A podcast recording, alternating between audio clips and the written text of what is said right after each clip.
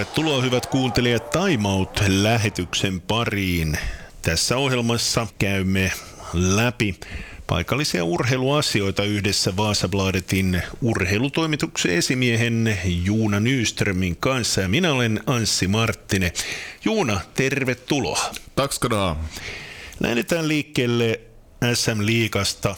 Itse kävin katsomassa perjantaina Tappara Ilvesottelua. Sportiotteluita valitettavan vähän tuli nähtyä tällä kaudella, mutta jos nyt vedetään lyhyesti kausipakettiin sportin osalta, niin ei meillä hirveästi ole puhuttavaa.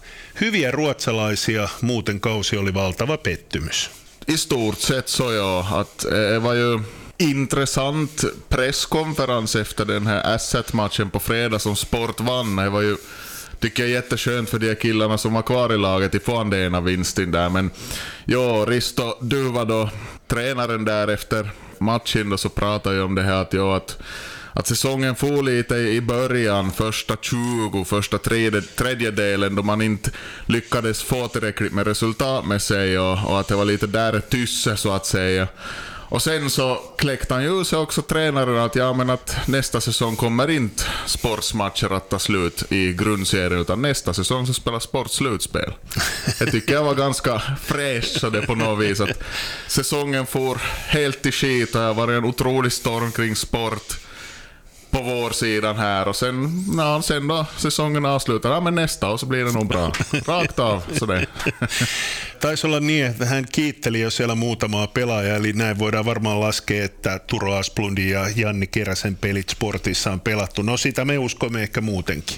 Och om jag nu tolkar rätt så verkar det som att de hänger skridskorna på hyllan helt och hållet båda två. Så att Uh, vad var det nu, Asplund är 37, Keränen 35, så de börjar ju vara lite på, på pensionssidan i hockeykarriären småningom. No jos puhutaan yleensä sitten tuosta runkosarjasta, niin siellähän on muutama pettymys, kärpät, valtava pettymys. Kyllä mä laskin TPSn ja HFKnkin semmoisiin lieviin pettymyksiin. Jo, och så tycker man kan säkert räkna in Djup också, som la ganska mycket pengar i sitt lag, men inte, inte lyckades heller. Li, lite av en flopp där också, men de, de tog ju sitt beslut om att sälja spelare eller släpp spelare inte efter sport. Vi vet ju hur beslutet sen gick. De försöka löplinan nu, men misslyckades med det då. Så ja, men det känns som att IFK är kanske lite den svarta hästen nu i slutspelet. Okej, okay, de hade jättesvårt att komma igång, men de gjorde ju det till slut och de spelade ju väldigt bra sen. Att, att hänger bara enbart på när deras målvakt Roope Tapponen hålls i skick, för blir han skadad igen så då kraschar ju IFK, de har ju ingen annan förutom riktigt gröna juniorer där. No pudotuspelit eli niin sanotut sääliplayerit alkoivat ja kärpät voitti oman ottelunsa ja ässät voitti ottelunsa ja me emme tätä tehdessä tiedä sitten, että kummat joukkueet sitten on mennyt eteenpäin noihin varsinaisiin pudotuspeleihin. Tosiaan kävin katsomassa tuon Tappara Ilvesottelun perjantaina paikan päällä. Tappara oli erittäin vahva kakserä ja täytyy myöntää, että Ilves oli taas sen todella heikko tuossa ottelussa ja eipä se nyt HPKta vastaankaan kovin hyvä ollut. Saadaanko tamperelaisten kannalta unelmafinaali eli Tappara Ilves tällä kaudella? man tycker ju att, att Ilves ändå är så pass starkt att det ska kunna gå vägen, att det blir just så, att det blir drömfinal. Tappara tvivlar jag inte alls på att ta sig till final. De är nog så otroligt solid, så otroligt bred. Det finns som inga svagheter i Tappara överhuvudtaget. Det är ett otroligt starkt lag. Uh, sen är det just då att vi får ju se nu då, vi har Lukko som hade en stor svacka i slutet av grundserien. Kommer de till få igång på nytt, då kan de nog kämpa om en finalplats. Kalpa Pelicans där som ska möta varandra i kvartsfinal är ju in, väldigt intressant. Två lag som ingen liksom har alls haft med någonstans. De har varit med lite i bakgrunden, men två lag som har imponerat trots allt. Så att där får vi se vem som tar det då. Det ju Ilves vi väntar på. Tappara räknar vi nog in i finalen, men Ilves, Ilves måste hålla måttet. Joo, mielenkiintoista, että sä otit tuon Kalpa Pelikans otteluparin esille ja tosiaan molemmat on ollut pikkusen yllättäjiä tällä kaudella ja nyt jompikumpi joukkue on välieräjoukkue. Ja, och helt för, förtjänt alltså. Pelicans var ju ett tag och kämpade riktigt i toppen. Lite kom de ner därifrån och Kalpa har varit en sån jämn, de har varit hela tiden där lite kring topp 6 ovanför strecket, första strecket där. Så jätteintressant nog också till se. Pelicans har kanske ett lite yngre lag då och så har man Kalpa då som är erkänt hemmastark och de har, de har sin fart i spelet om de får fram i zonspelet så är de jätte, jättestarka. Hur, hur långt de faktiskt kan utmana sen sist och slutligen. Sulla on aina hyviä tietoja ennen muita, esimerkiksi uusista pelaajista. Onko kuulunut mitään huhuja sportiosalta? Jag har varit ganska tyst nu. Att var ju prat om, om en utländsk målvakt och så en svensk back till har varit i spekulationen. Nu måste jag erkänna att jag kommer inte ihåg de här namnen på rak arm. Men det har varit ganska lugnt och tyst och, och jag misstänker ju att det kommer att vara kanske ett tag till. Man kan ju inte vara säker, det beror ju på. För att oftast blir det ju så att, att är det laget varifrån spelarna kommer ska spela färdigt och för man börjar prata om sådana här saker och för man börjar offentliggöra att det blev ju lite misslyckat, eller olyckligt för IK Oskarshamns del i SHL, där de har haft Antti Suomela då som var otroligt vass i grundserien. Och, och, just nu då de skulle börja sitt särlig så meddelade ju från Schweiz att han är klar för en ny klubb då, vilket ju Oskarshamn förstås inte själv har gått ut med, där blev det lite snett, men he, sånt brukar ju inte hända, i alla fall officiellt här på Finlands sida. Niin, mennään takaisin tuonne Ruotsin puolelle. Ikäviä uutisia sieltä kuultiin, eli Bryneeshän on nyt valmistautumassa noihin eh, pudotuspeleihin, eli siis karsintapeleihin. Malmöä vastaan muistaakseni tuo ottelu pari pelataan. Mikko Manner, Ari-Pekka Pajuluoma joutuvat lähtemään ennen pelejä, eli saivat kenkää. Juuna, tuliko yllätyksenä? Nää. Jag, jag måste vara ärlig och säga att jag blev inte överraskad direkt då det stod klart att, att Brynäs kommer till spel, det här nedflyttningskvalet då mot, mot jumbon Malmö, så börjar ju spekulationerna. Och om man ser på hur det brukar bli i sådana här situationer, så oftast har tränarna fått gå i det här läget. Och det är väl inte första gången som Brynäs tar till den här åtgärden heller. Jag tror att just Ove Molino som kommer in som tillfällig tränare så har, har gjort det tidigare någon gång också. Det är ju det här klassiska panikknappula man trycker på. Man måste. Man, man, är rädd för att inte ska räcka som det ser ut. Man försöker ta till en drastisk åtgärd för att bara väcka hela laget och få till lite av ett liksom uppryckning dit. Och, och det är förstås en jätteriskfull grej för att den här kval, kvalserien, du ska vinna fyra matcher. Så att det räcker ju inte med att du kommer in och gör en, två starka matcher, utan en lång serie. Och för Brynäs del är det ju jättejobbigt för att de kämpar hela vägen till slut om till undvika det här kvalet. Det lyckades inte. Och så har du Malmö då som sedan länge har stått klart att de kommer till spelkval. Men de har kunnat i lugn och ro förbereda sig och de har spelat bra på sistone. De har vunnit ganska mycket matcher så de kommer ju till det här kvalet mycket bättre utgångsläge. Ja spekuloinnit alkoi heti, kun Mikko Mannerin potkuista kerrottiin, eli, eli moni oli jo tuomassa Mikkoa Vaasaan. Ja, då kan vi komma tillbaka till det att han har ju själv sagt i, i någon intervju att, att någon gång vill han vara tillbaka i, i Vasa och sport. Och nu förstås har han ju varit med i den här aktieemissionen och allting och så vidare. Och så ska vi ju inte glömma heller att han hade ju Ari-Pekka Pajuluoma med sig också från Vasa där i tränarteamet som också fick gå. Så att eh, det finns två Vasa-tränare på marknaden nu mitt i allt och vi får ju se för, för Mikko Manners del så fortsätter ju säsongen i landslagen och du börjar snart med sina, sin VM-uppladdning medan Pajuluoma kanske får ta lite lugnt nu då i vår och, och, och fundera på vad som händer, vad som har varit dit bort till Brynäs. Joo, ja maajoukkuehan tulee pelaamaan myöskin tänne Vaasaan. Det stämmer, det var väl 20 april som det blir match mot Danmark här på Kopparön. Time Out Podcast käynnissä. Studiossa ovat Vaasabladetin Juuna Nyström ja Radio Vaasan Anssi Marttinen ja käsittelyssä on paikalliset urheiluutiset. Ei vielä irroteta otetta jääkiekosta, sillä Maalaksi IF jatkaa otteluita pudotettuaan Kraftin suoraan kahdessa pelissä. Oliko Maalaksi niin paljon parempi, mitä luvut antavat ymmärtää?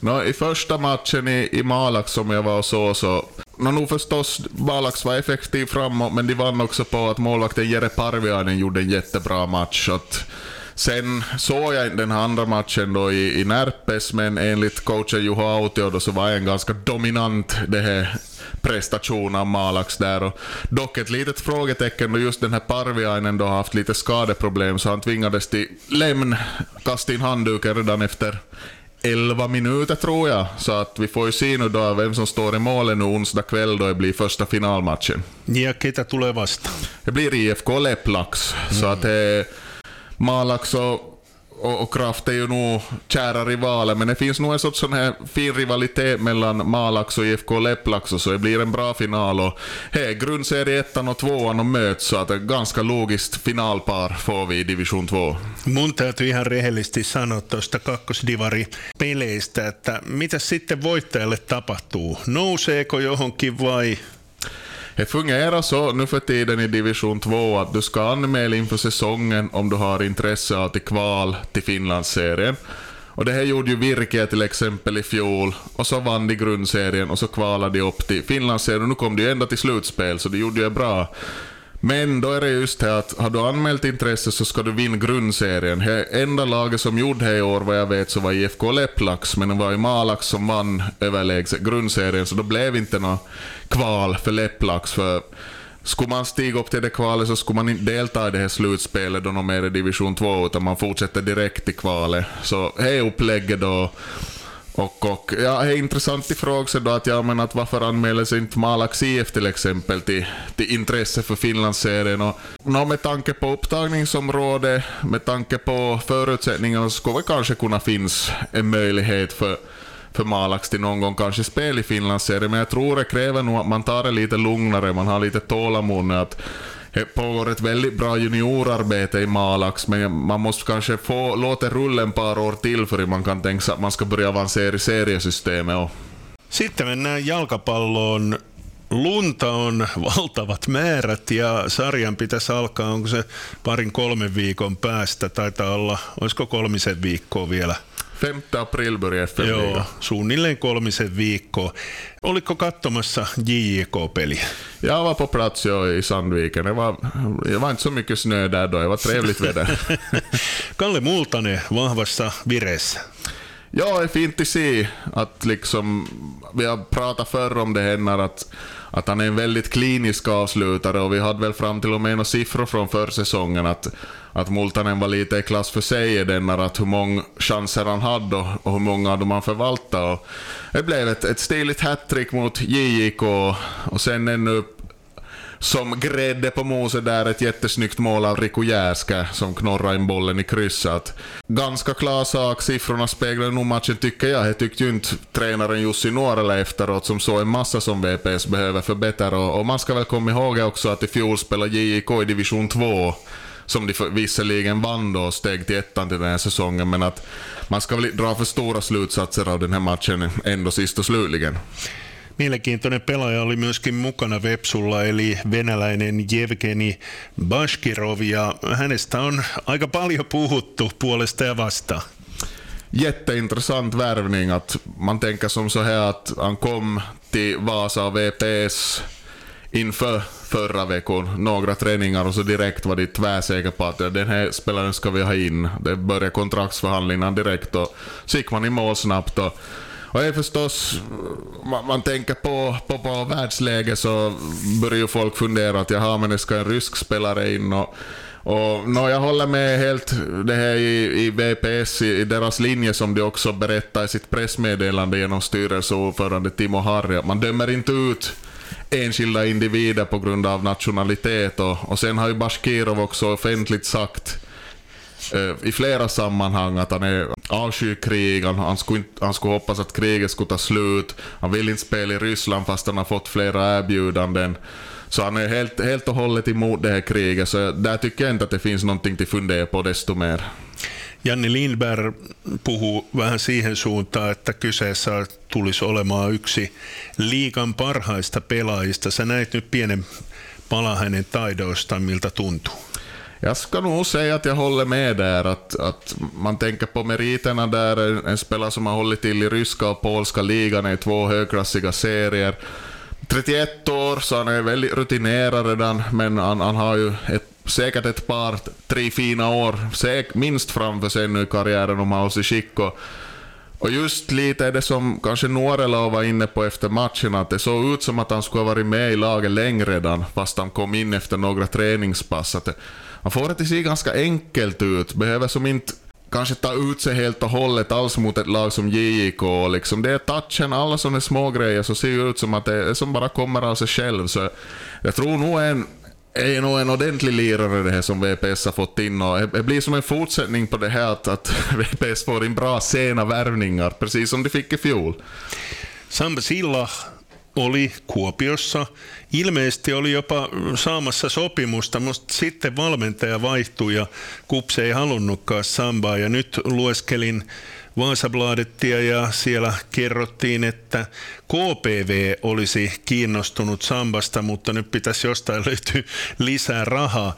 Onko Samba Silla ja Vaasan palloseura äh, tältä kaudelta niin unohdettu yhtälö? Jag vet faktiskt inte exakt hur det ligger till just nu. Att, att nu skulle ju VPS behöva en spelare just på, på den här positionen på vänsterkanten som Samba Silla visar att han är bra på där och speciellt framåt då. Han kan vara väldigt bra offensivt. Så att nu rycker KPV i honom och som du sa då så, så skulle de behöva skrapa ihop lite mer pengar. Det sa ju tränaren Christian Sund då tidigare i VPS rakt ut och, och det skulle ju vara en enormt stor förstärkning förstås för, för KPV till division 1. Men uh, vi får se. Vi får se. Han har åtminstone inte tränat med VPS nu. Vad jag hört så har han varit lite och tränat med, med Vasa IFK åtminstone fram och tillbaka. Så, så att det är ju vidöppet. Mutta ilmeisesti VPS on hakemassa vielä uusia pelaajia, mutta lähinnä hyökkäyspäähän. Åtminstone en anfallare så, så söker man fortfarande att vi får se då man skulle kunna tänka sig just att den här vänsterkanten och eventuellt försvaret också skulle kunna ha lite mer påfyllning, men det börjar, det börjar vara ganska bra uppbyggt det här laget nu för tillfället. Öö, alun perin ilmeisesti Vepsun piti pelata viikonvaihteessa Interia vastaan. Nyt taitaa olla niin, että onko se KPVtä vastaan sitten ottelu tulossa vai miten se menee? Joo, det blev just så att Inter gick till, till semifinal i den här ligacupen så därmed så försvann, försvann möjligheten till spel mot dem men att de fick in KPV då.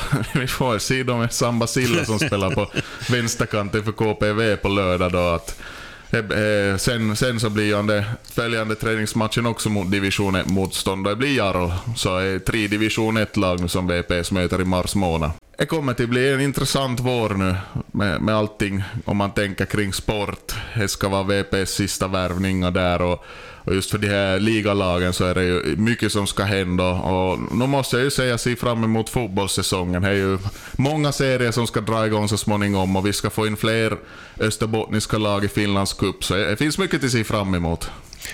June Nyström, kiitoksia tästä juttutuokiosta. Tack ska du ha.